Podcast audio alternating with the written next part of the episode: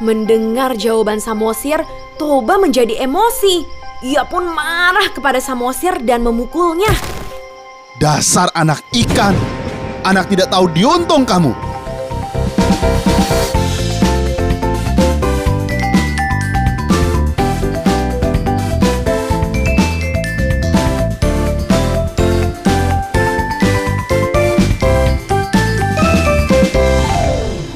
Anak-anak, siapa yang tahu Danau Toba? Saya tahu bu, pasti di Indonesia kan bu? Iya betul bagus. Tapi coba siapa yang tahu di mana tepatnya? Saya Bu, di Sumatera Utara kan Bu? Betul sekali Karen. Bu, ceritakan kepada kami dong asal usul Danau Toba. Iya, iya Bu, iya Bu. Baik, akan Ibu ceritakan asal usul Danau Toba. Pada suatu desa di Sumatera Utara, hiduplah seorang pemuda pengembara yang bernama Toba. Setelah mengembara ke berbagai negeri, sampailah ia di suatu tempat yang tanahnya subur dan alamnya begitu indah. Selain itu, aliran sungainya pun begitu jernih. Wah, betapa indah sekali tempat ini. Ladang yang sangat luas dan air sungai yang begitu jernih. Ia memutuskan untuk membangun rumah sederhana di sana yang tidak jauh dengan ladang dan sungai tersebut. Kegiatan sehari-hari Toba adalah berladang dan mencari kayu bakar untuk kehidupan sehari-harinya. Pada suatu hari sepulangnya ia berladang, Toba pergi ke sungai untuk memancing ikan. Sudah cukup lama ia memancing, namun tidak seekor ikan pun yang memakan umpannya. Ah, kenapa tak satu pun ikan memakan umpanku? Tidak biasanya umpanku tidak dimakan oleh ikan-ikan yang ada di sungai ini. Ke mana ikan-ikan itu? Toba pun berpindah-pindah tempat. Namun, tetap saja tak ada satupun ikan memakan umpannya. Huh? Sepertinya hari ini aku kurang beruntung. Tak satu pun ikan yang memakan umpanku. Namun setelah sekian lama, Toba hampir saja menyerah dan menarik tali pancingnya. Tiba-tiba, tali pancingnya berat dan talinya pun hilir mudik ke sana kemari seperti ditarik ikan.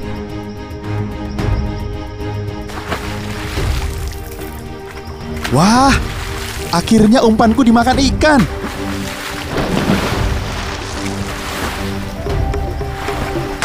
Ah, berat sekali ikan ini. Sepertinya aku mendapatkan ikan yang sangat besar.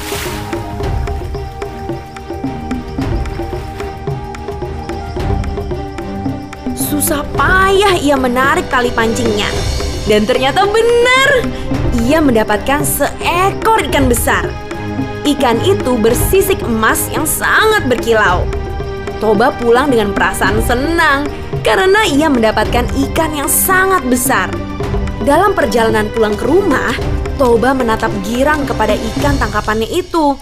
Namun ia merasa ada yang berbeda dengan ikan tersebut. Hmm, rasanya ada yang aneh dengan ikan ini. Aku merasa ikan ini seperti menyukaiku. Tapi mana mungkin seekor ikan menyukai manusia? Sampailah Toba di rumahnya. Ketika sampai di dapur, ternyata persediaan kayu bakarnya habis. Toba meletakkan ikan emas tersebut pada sebuah ember dan ia bergegas mencari kayu bakar di ladang.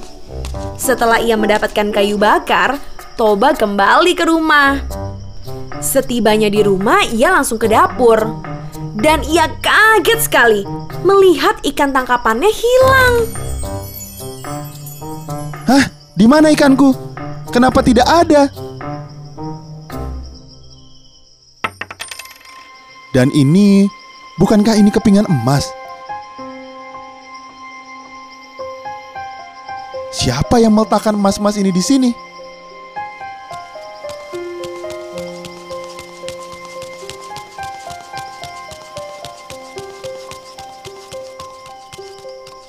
Toba masih terheran-heran dengan kepingan emas tersebut. Ia hendak menyimpannya di dalam kamar. Pada saat Toba membuka kelambu kamarnya, ia terkaget-kaget. Karena... Karena apa? Ia melihat sesosok wanita nan cantik jelita sedang bersisir di kamarnya. Hei, siapa kamu? Apa yang kamu lakukan di kamarku? Bagaimana kamu bisa kemari? Gadis cantik itu tidak menjawab pertanyaan Toba. Ia hanya tersenyum dan menarik tangan Toba. Toba pun masih terheran-heran dengan gadis itu. Hei, siapa kamu? Kamu mau ajak aku ke mana? Gadis itu tetap diam dan mengajaknya ke dapur. Lalu ia menyiapkan makanan untuk Toba. Sambil menunggu masakannya matang, ia pun bercerita kepada Toba. Maafkan saya membuat Anda kaget dan bingung. Saya sebenarnya jelmaan dari ikan yang Anda tangkap. Dan kepingan emas yang Anda pegang adalah sisik saya. Wah, Toba tidak percaya dengan ucapan gadis tersebut.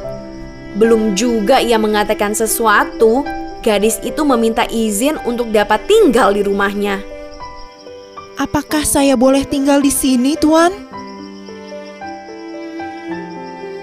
Seolah tersihir dengan kecantikan gadis itu, Toba pun mengizinkannya untuk tinggal di sana. Silahkan, dengan senang hati saya mengizinkan Tuan Putri untuk tinggal di sini. Terima kasih, Tuan. Anda mengizinkan saya untuk tinggal di sini.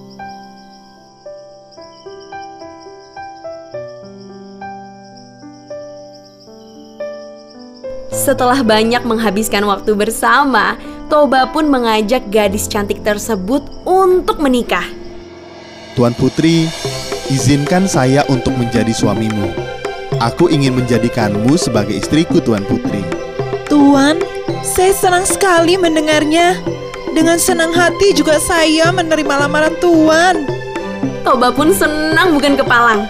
Lamarannya diterima oleh gadis tersebut. Namun, gadis tersebut memberikan satu permintaan. Tapi Tuan, saya mempunyai satu permintaan. Dan Tuan harus memenuhi permintaan saya. Apakah itu, Tuan Putri? Tuan harus berjanji untuk tidak menceritakan siapa saya sebenarnya kepada siapa pun. Baik, Tuan Putri. Saya berjanji tidak akan menceritakan kepada siapa pun. Setelah itu mereka menikah dan satu tahun telah berlalu. Mereka dikaruniai seorang putra dan mereka beri nama Samosir. Mereka sangat menyayangi Samosir. Namun karena kasih sayang yang berlebih, Samosir tumbuh menjadi anak yang manja dan pemalas. Pada suatu hari, ibunya menyuruh Samosir untuk mengantarkan makanan kepada ayahnya di ladang. Namun Samosir tidak mau. Nak, tolong antarkan makanan ini untuk ayahmu di ladang. Ah, tidak mau ibu. Tolong ibu, Nak.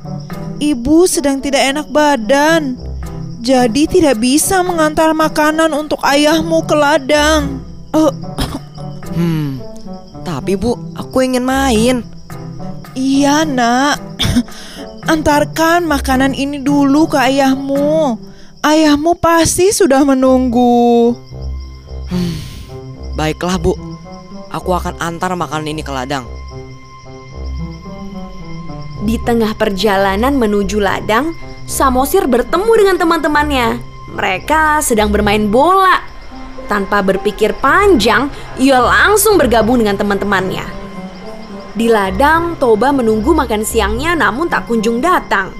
Hari sudah siang. Tapi kenapa istriku belum mengantarkan makanan untukku? Samosir yang diutus ibunya untuk mengantarkan makan siang ayahnya masih asik bermain dengan teman-temannya. Setelah merasa lelah bermain, ia pun akhirnya lapar. Dan ia membuka bekal makan siang milik ayahnya. Ah, aku lapar sekali. Hmm, aku makan saja makanan ini.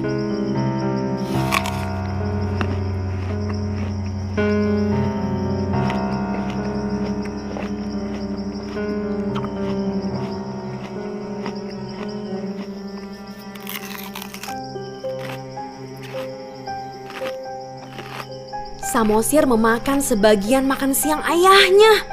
Wah, setelah ia kenyang, Samosir melanjutkan perjalanan menuju ladang. Setibanya di ladang, Samosir memberikan makan siang ayahnya. Hei Samosir, sedang apa kamu di sini nak? Ibu menyuruhku mengantarkan makan siang ini untuk ayah. Wah, anak rajin. Terima kasih Samosir. Ayah sudah menunggu makan siang ini sejak tadi. Toba segera membuka bekal makan siangnya. Tapi ia terkejut. Ternyata hanya tinggal sisa sedikit dari bekal itu. Samosir, apa ini? Kenapa makanan ini hanya tinggal sisa-sisa saja? Iya ayah, tadi sebelum kemari aku main bola dulu, lalu aku lapar dan memakannya. Mendengar jawaban Samosir, Toba menjadi emosi. Ia pun marah kepada Samosir dan memukulnya.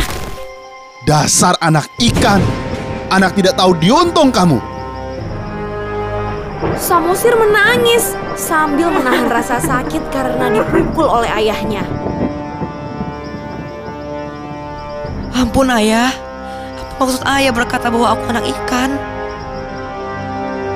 Asal kamu tahu, ibumu itu adalah jelmaan dari ikan.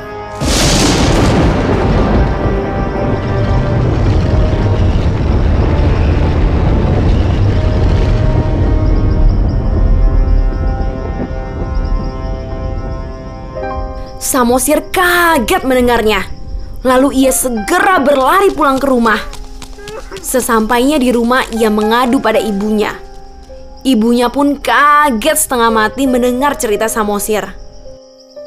Ibu, ibu, Samosir, kenapa kamu nak? Ada apa nak? ibu, ayah tadi memukulku bu. Ayah juga bilang kalau aku ini anak ikan. Apa itu benar bu? Ibu tak menjawab pertanyaannya. Ia sedih mendengar cerita Samosir. Karena Toba melanggar janjinya, ia bergegas meminta Samosir untuk pergi naik ke atas bukit.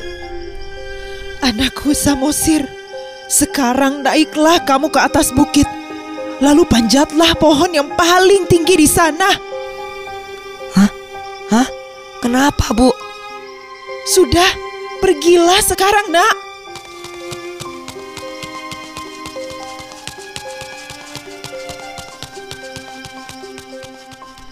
Ibunya melepas kepergian Samosir dengan air mata kesedihan. Begitu pula dengan Samosir. Keduanya merasa sangat sedih. Ketika Samosir sudah sampai di atas bukit, ibunya segera pergi menuju sungai. Seketika itu juga, cuaca yang tadinya cerah berubah menjadi gelap gulita dan petir menyambar-nyambar lalu turun hujan deras. Hujan deras itu membuat banjir sungai. Dan pada saat itulah ibunya melompat ke dalam sungai dan berubah menjadi seekor ikan besar. Hujan pun semakin lebat. Tak lama kemudian banjir di sungai itu semakin meluap ke mana-mana. Menjadi sebuah genangan. Genangan air tersebut lama-lama semakin meluas dan akhirnya berubah menjadi sebuah danau yang sangat besar. Dan di tengah danau tersebut terbentuk juga sebuah pulau.